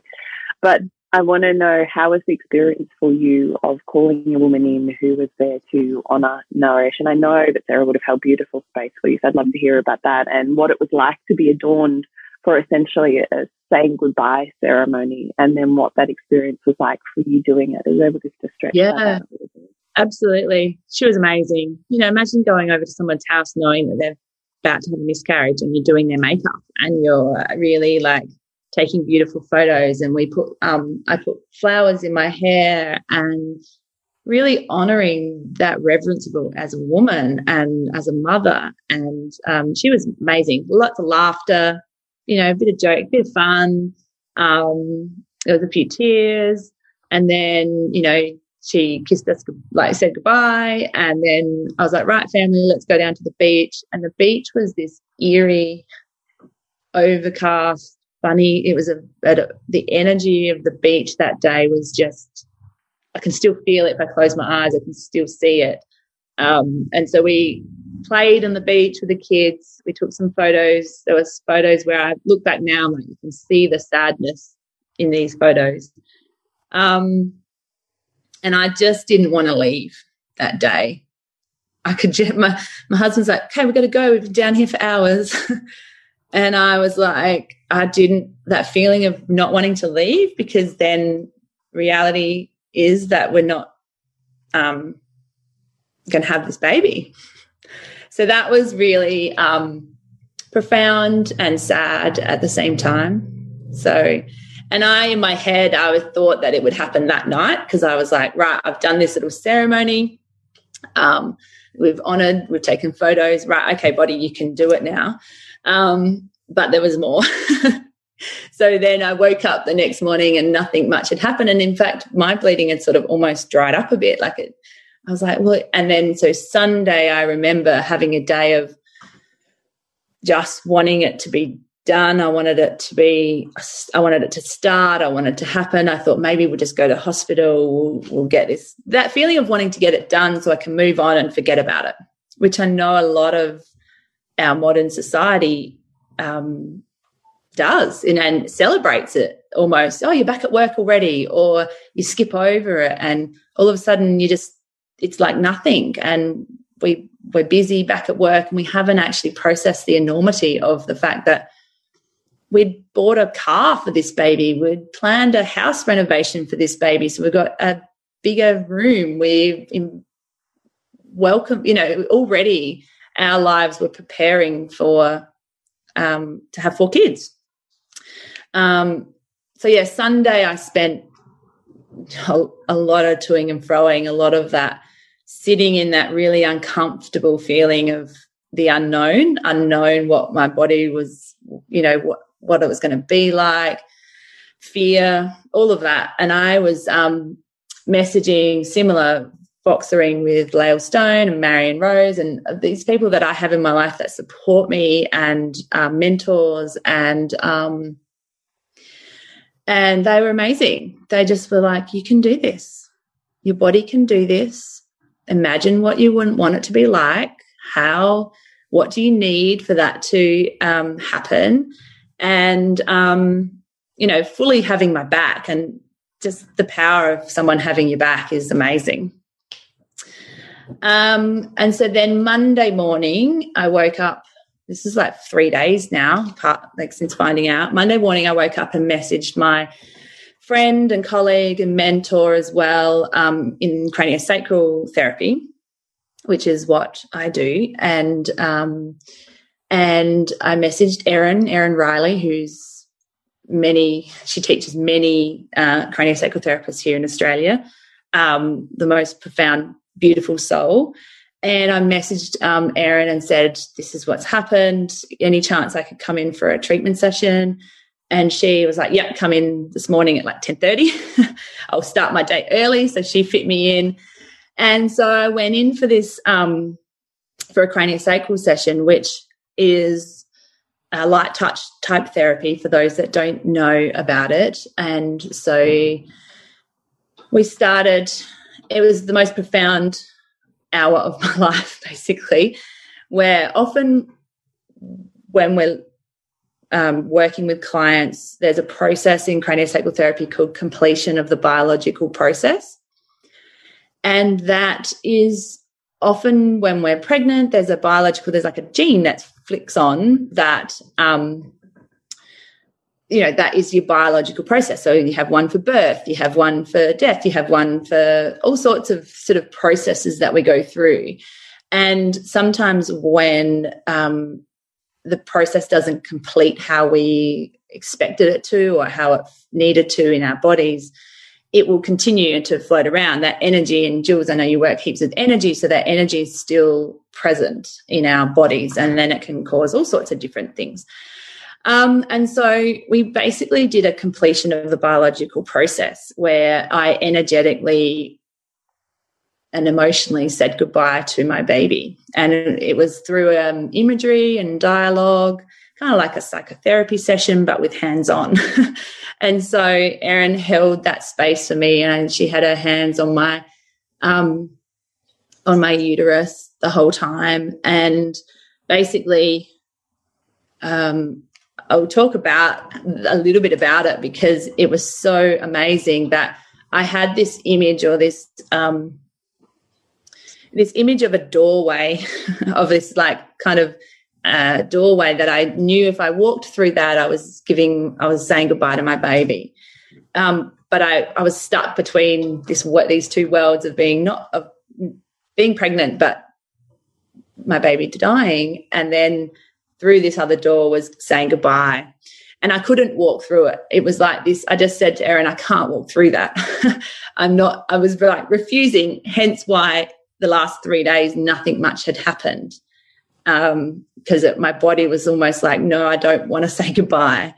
Um, and so then she said, What do you need to help you walk through that door? And I just had this image of women hold, literally picking me up and walking me through this door.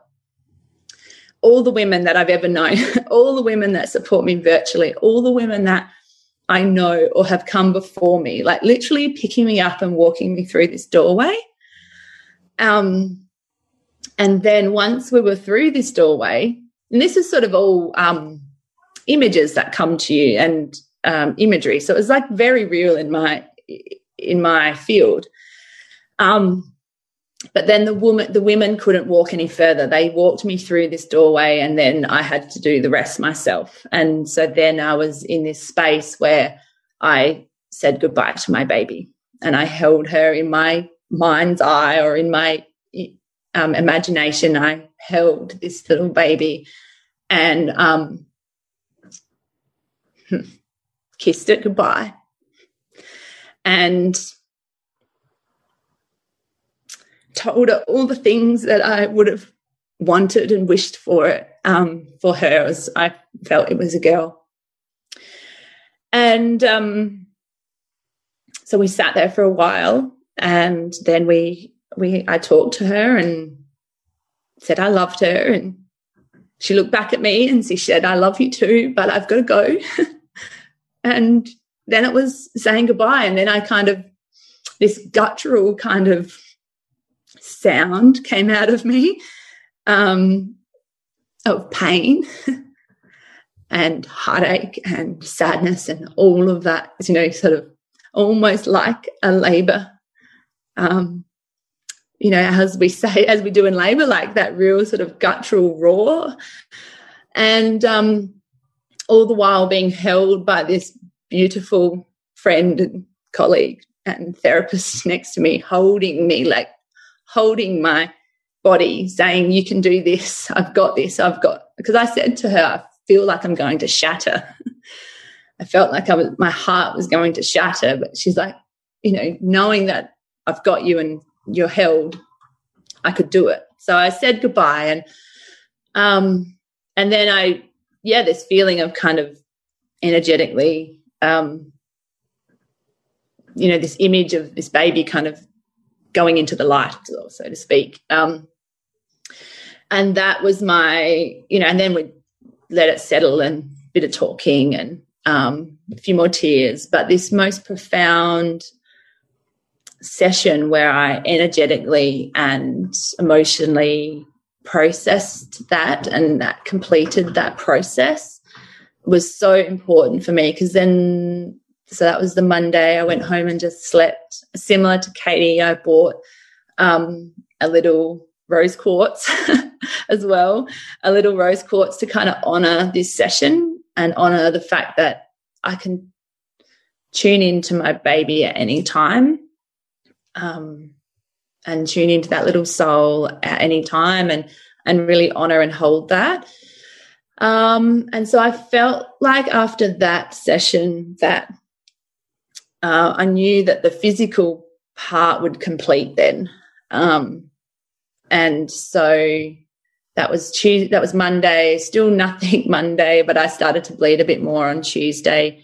Tuesday, I went for an acupuncture session.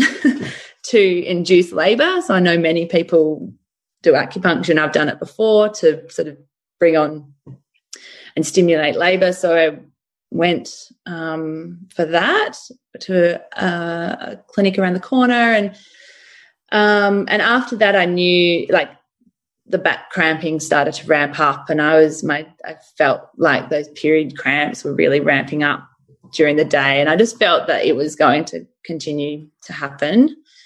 Um, and I think after that energetic, like after that craniosacral session, I knew that I could complete this process at home. I knew that um, this was my process or, you know, my story.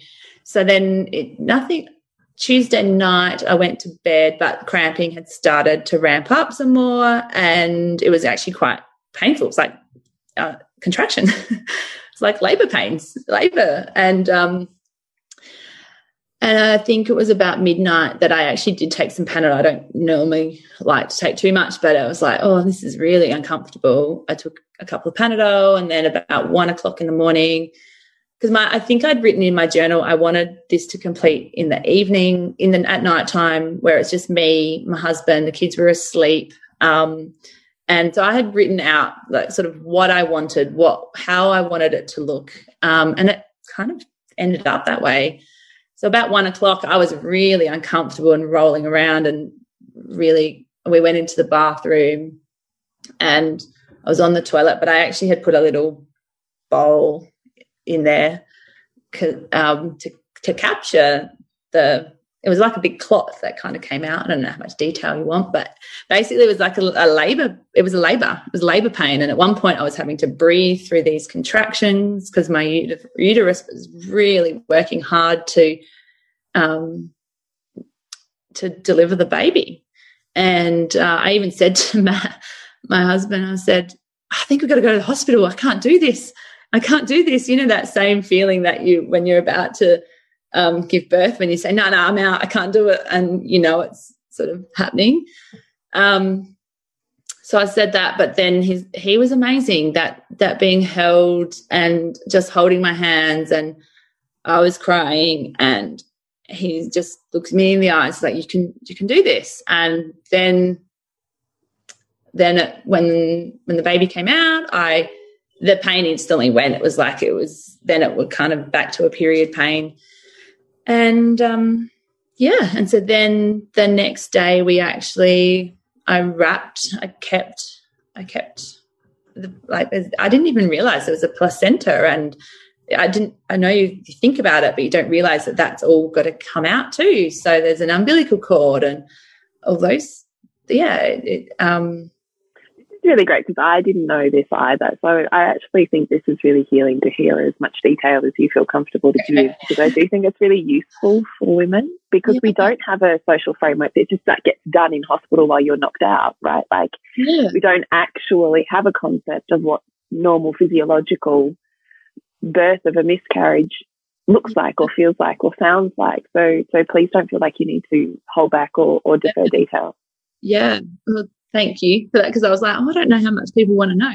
Um, but but yeah, so the for me it was like a little sack. There was a bit of a sack, and I didn't actually necessarily look into the sack. It was just a complete sack. That would have been what the baby would have been in. So you and you know, um, and then there was an umbilical cord that again I didn't look too deeply into it, but I actually needed to look because then it was really healing for me too and then a, a, a clot that looked like the, what the placenta would have been. And it was all, it all came out in separate parts. Um, but certainly the, when the sac part came out, that was the bit that then after that, obviously my body felt a lot more comfortable because the pain had disappeared. And, um, and then, then it was just like a, yeah, like a big period clot.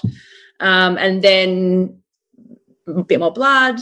Um, and I sat on the toilet until that finished and then I had a shower and I was back in bed by it was an hour all up from one to two really from when I went into the bathroom to being back in bed. Um, it was yeah it was about an hour. Uh, and I know sometimes it can be longer for people or more blood or less blood but I think having people yeah you're right Jules like having some context or some idea of what it's like and it's not going to be like that for everybody but i didn't even know that i didn't really even think about what um yeah what comes out and what does it look like and um for me the thought one of the things i was scared about with completing it at home was but where does it go you know i want to i want to be able to honor this little um, baby or this little soul. So I, um, that's when I, you know, we put a little bowl in the toilet to capture it, cap, you know, to catch it. And, um, and then I, we kept that and then I wrapped it and we did a little ceremony that day. So the next day was the Wednesday. Um, and we, I, yeah, I put it in a little, um, you know, biodegradable bag and wrapped it up with some material, some beautiful material. And we um, took that to my parents' place actually um, and dug a hole and put that in there and planted a plant over the top of that. Um, and we all said a little goodbye and um, played some played some music, and it really actually gave us a chance to honour this whole process and to um, my parents too as well. So they they were there, and my nieces, my brother, they were all there. They they're living there at the moment, so they were there. Um, and yeah, just having that process for us. It was interesting because my husband's like, "Why are we doing this?" He was a bit like, "Why are we doing this? What are we? This is so strange." It was a bit strange for him. Um, he goes, "I don't connect to this. This doesn't seem like something that I want to do." And I was like, "No, this is what we're doing. I want to do this." well, I didn't. I wasn't that forceful, but I did honor his concern, like thoughts. But I actually said, "I think this is really important for me." And when we did it, and then afterwards, when we all were taking lots of photos, and he said, That was really amazing. And thank you for doing that. And thank you for doing that for the family because that really helped him as well. Um, because it's not just a loss for us. And I know we talk a lot about it, but it can be hard for um, the dads too. And even my mum and dad, they said, Oh, thank you for that because, you know, it was a grandchild that they were going to get. um, and so, yeah, having that that process was really important for me too. Can I just ask you a little more context around that? Mm. So, how did you have that conversation and set up with your parents, and what was that conversation like? And what did you actually do in the ceremony that that, as your partner has shared, just made it feel really good? Mm. Well, um, I, we kind of actually kept it pretty light. I'd said to mum, and when we don't necessarily follow a, a religion, so to speak, but for me, it's more of that spiritual aspect of honoring um, this whole process. And I, uh, I think I just phoned mum and I said, uh, we want to do a little ceremony at, and their house has got these beautiful trees and um, space. And um, we'd just got a puppy. So I didn't really want to do it at our house because I was a bit scared the puppy would actually um, dig it up. So it was a bit more of a more of a practical thing that I'd said to mum, can we can we like do this at your house? And I think they probably thought it was a little different, but they have come to realize that that's that's me and I honor these processes and they now love me for me talking to um, you know, talking to the spirits and things. So um, they actually were really um, supportive. And mum actually was the one that bought the bought the um, bought the pot plant, bought the flower, and I hadn't even thought of that. I was like, "Well, that's such a nice idea. Thanks, mum." So we'd picked, uh, you know, she picked a couple of flowers and which one we wanted to plant, and so we dug the hole, and it was really important, I think, for our kids as well to understand uh, more about this process, um, because my um, my daughter would run around and say, "Look," because we had a little basket with the material wrapped up, and um, my daughter would say to her cousins, "Look, that they they named um, they named the baby." Um, oh, I can't think what they named it now. It's just like gone out of my brain. But um, you know, they were talking about, oh, look, it's in here, it's in here. Like, and, um, and then my daughter just said, yeah, it's not in mum's tummy anymore. And so it's just having kids to be able to process that and to, then we put it in the ground and, um, we picked some flowers and we threw some flower. Everyone got to throw the flowers on it. We didn't have it as a too formal, um, but we did get to say goodbye. And I think that was really important mum was playing some music and every music song seemed the saddest song in the world. So we were all having a cry. And um, I think just the opportunity or creating that space to allow for grief is really important. And um, I think that's what that did. Oh, Sally. Mm. Mm. And so, how did you feel afterwards? Um, I think we then had a couple of days where we were at home. Um, I didn't, I didn't work that week, um, which was that was the Wednesday. So I just took the rest of that week. Um, it was pretty quiet at home, um, and lots of family time and connection time and things like that. I think the thing for me, the hardest part, was when everyone went back to work the week after, and my husband went back to work and because this has basically been a week um, sort of from the friday to the wednesday when it happened and then yeah um, and so by the following monday he went back to work and everyone went back to their lives and i felt like lost and i felt like a massive big hole was missing and i didn't know what i was what I, that feeling of um, with each of my births, there's been a rebirth of me, and this was no different because it was another birth. Um, oh, one thing to note, I had like day three blues, and there was by the third day, I was just teary and emotional and crying. My I had sore boobs, like almost like a blocked duct feeling in one of my breasts. And I realized that that was the hormonal changes from being like you know, pregnant, giving birth, and then you're not actually having any baby suck on the breast, so you're not producing milk. But I was like, oh, why is my boob sore? And yeah, it reminded me of a blocked duct feeling. And I was like, oh, there, that's because hormonally there's massive changes that we just don't honor traditionally. That often women go in, they get a D&C and they get sent home. And we wonder why we're you know there's that empty feeling and all of this hormonal stuff happening that doesn't get talked about so, so true i really love you said that yeah so the day the week after i found really hard um but actually it was really there was another profound moment about a week later where my mum and dad came over. And this has been one of the most amazing things that have come out of this whole process is that my mum had said something about my sister or some comment. And you know how it, even with our kids it's not the it's not the thing they're crying about. There's all the all the feelings underneath so mum said some comment and i just i all of this came out of me and i was saying i'm feeling so alone and i'm feeling so lost and i've just had this happen and everyone's moved on back to work and i don't know what to do with myself. And i was crying and my parents who are amazing and um, but often want to fix things and want to help us by fixing things and want to make it better, which often we do as parents. Their mum was trying to say, but you can move on. It's okay. You'll be all right. Like, you know, it's okay to move on. And and I actually just said, I just need you to listen and really, please just listen and just hold me. And so almost one of the first times as an adult, I, I just was held by my mum and cried and cried and cried.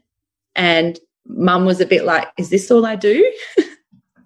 you know, do I just hold you? It's a bit uncomfortable, kind of like, Oh, oh, okay, this doesn't feel like I'm doing much. I said, All you need to do is just listen to me cry. And then my dad held me, and I probably, he probably held me for, I don't know, half an hour standing in the dining room kitchen and with me crying and crying and just really letting out that grief and being held by my parents in that grief was just so a really profound moment for me as an adult even to be held by our parents and um, I felt like I ended up crying for all the times before where you know, maybe they didn't hold me in my grief or haven't been able to or whatever it is. But um, really, that has been, I remember that moment with them just, and even dad just said, I think Mum said, "What do what do what, what what do we need to do?" And Dad just said, "This. We just need to be here." And it was it blew me away. So um, there's been some really profound um, shifts in me and our family and throughout this whole process, really. So, yeah, that's pretty much the whole story. Thank you so much for letting me talk for that long. Thank you so much, Shelley. Oh my gosh, we're just like we're all here like little blubbery messes. Moving through your story with you, my gosh. Mm. So mm. beautiful. Thank you so much for sharing, Shelley. Mm. It really is divine and I love I love the expansiveness. I love the healing. I love I love all of it because it's never too late to heal, is it? I mean, even this opportunity opens up a, an opportunity for you to heal your inner child as you're birthed. It's another version of rebirth, isn't it? I mean, it's just it's extraordinary. Yeah. So I'm so grateful for the sharing of, of both of your stories. Katie, did you want to reflect anything before we move on? Oh, just thank you so much. I, again, I've heard the story as well, and I just felt it all, all over again. So, thank you again for sharing, Shelley. Mm, you're welcome. Yeah. So, these two beautiful women are going to be joining us in Soul Driven Motherhood for a conversation with the women that we have in there around um, miscarriage and what it can look like and how we can heal, and and just a sharing and a, an experience of, with them. For women that aren't in soul driven motherhood or don't make their way there, I just wondered if there was any messages that either of you would like to leave with them as they, as you exit their ears at the end of today's podcast, if there was an, an offering or anything that you just wanted them to, I don't know, anything you wanted to share. Not, not, I don't want it to feel like pressure, just like, is there something that comes forward for you? Do you have anything, Katie? I can go if you want to. You can go, yeah. I think um, for me, it's just um, sitting with whatever is coming up for you, if there is anything. Um, because the amount of women that have come up to me after me sharing my story and saying, I've never spoken about my miscarriage, or I've never spoken about my loss, or I've had four or five or seven, or um, is profound. And I think so, honoring whatever process you're going through, if there is anything. And also, um, one thing I forgot to mention or share was I've had a friend that has reached out for me, Colleen, if she actually is, if she listens, but um, who experienced many losses. And she has been profound in checking in with me and just messaging, you know, for that first two weeks, it was almost daily. How are you today? How's your day going? Um, and, and even if I didn't respond, it was like just knowing that someone was checking in on me was just so, so helpful. And so even if nothing's coming up for you personally with, but we all know someone that's potentially lost a baby or if they do and they're going through it in the moment, just don't underestimate the power of having someone message you and say, How's your day going? I don't need a response, but just, I'm right here and how's your day going? Um, because that's been so, so helpful for me. So, yeah, just sitting with what's coming up or, um, yeah, being there for another sister if they if, um, if you have the capacity to. Yeah. Thank you. Yeah, it's beautiful. I probably just add that there's no like right or wrong way of doing this. it, it is everyone is going to experience miscarriage in a different way, and um, I, I, hope that this conversation has provided, um, you know, an, another way, perhaps another way of doing things. But this also may not resonate with other, with, with people as well. I just really wanted to acknowledge that too. That. Mm this is your experience. So really tune in and feel what you know how, how you want to experience this process. Thank you. If women are requiring or would really love to reach out to either of you or after support or their own sense of nourishment or healing, is that something they can do? Yep. Sorry, you, sorry, we're just both of us like looking at each other and going, "Who's going?" I know talk? it's tricky, isn't it? It's tricky. I should actually use names that would make it easier for you. Um, I was just wondering before we wrap up if you could each share where we could connect with you, find you and your work, and perhaps if our own bodies need nourishing, healing, or you, know being lavished nourishment and healing upon, where we could find you. So, Shelley, are you able to share first?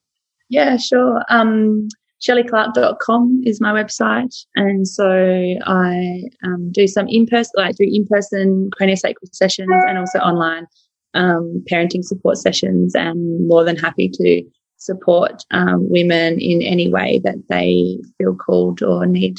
So, yes, check us out there. Thank you. We will put all of these in the show notes just so everyone knows you can click down now. And Katie Parker, where can we find you and your work? Yes, I'm at katieparker.com.au. I'm on um, Facebook and Instagram as Katie Parker Postpartum. Um, and yes, I do provide uh, counselling. Um, yeah, don't, don't, think I mentioned that my background is, is a social worker.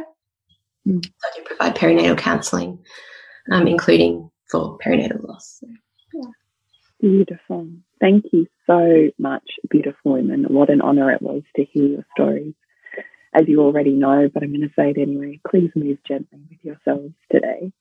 The retelling of your story will often re bring up a, a vulnerability and a um, openness that may, might need to be honoured. So please move gently and thank you for opening with us and for us. Mm.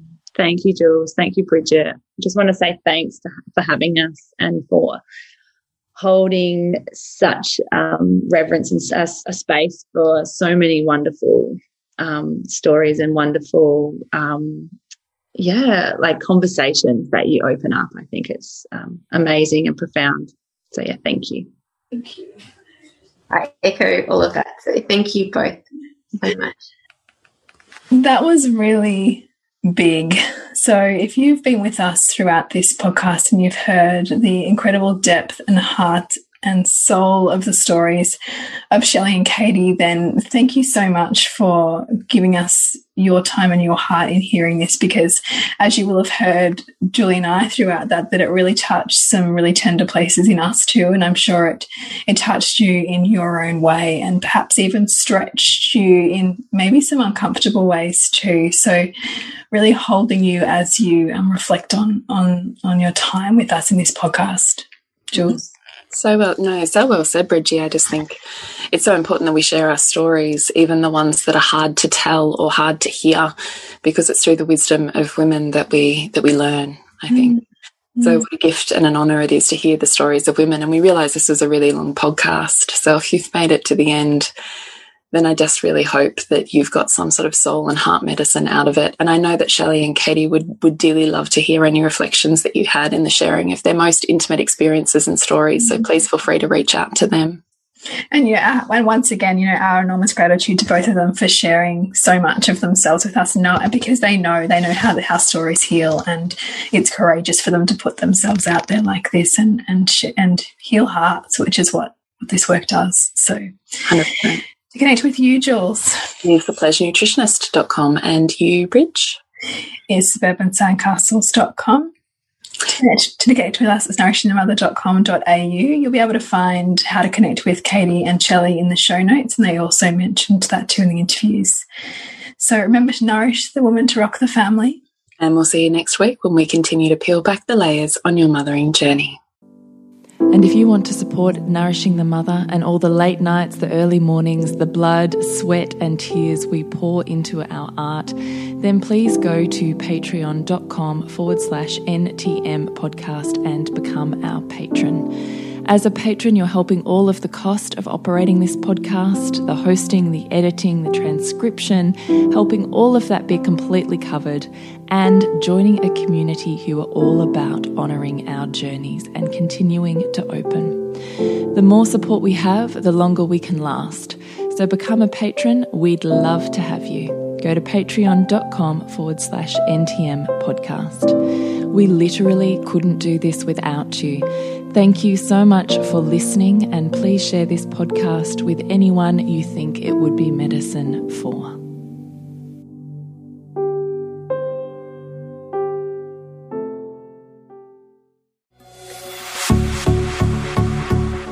This has been a production of TheWellnessCouch.com. Check us out on Facebook and join in the conversation on Facebook.com forward slash The Wellness Couch.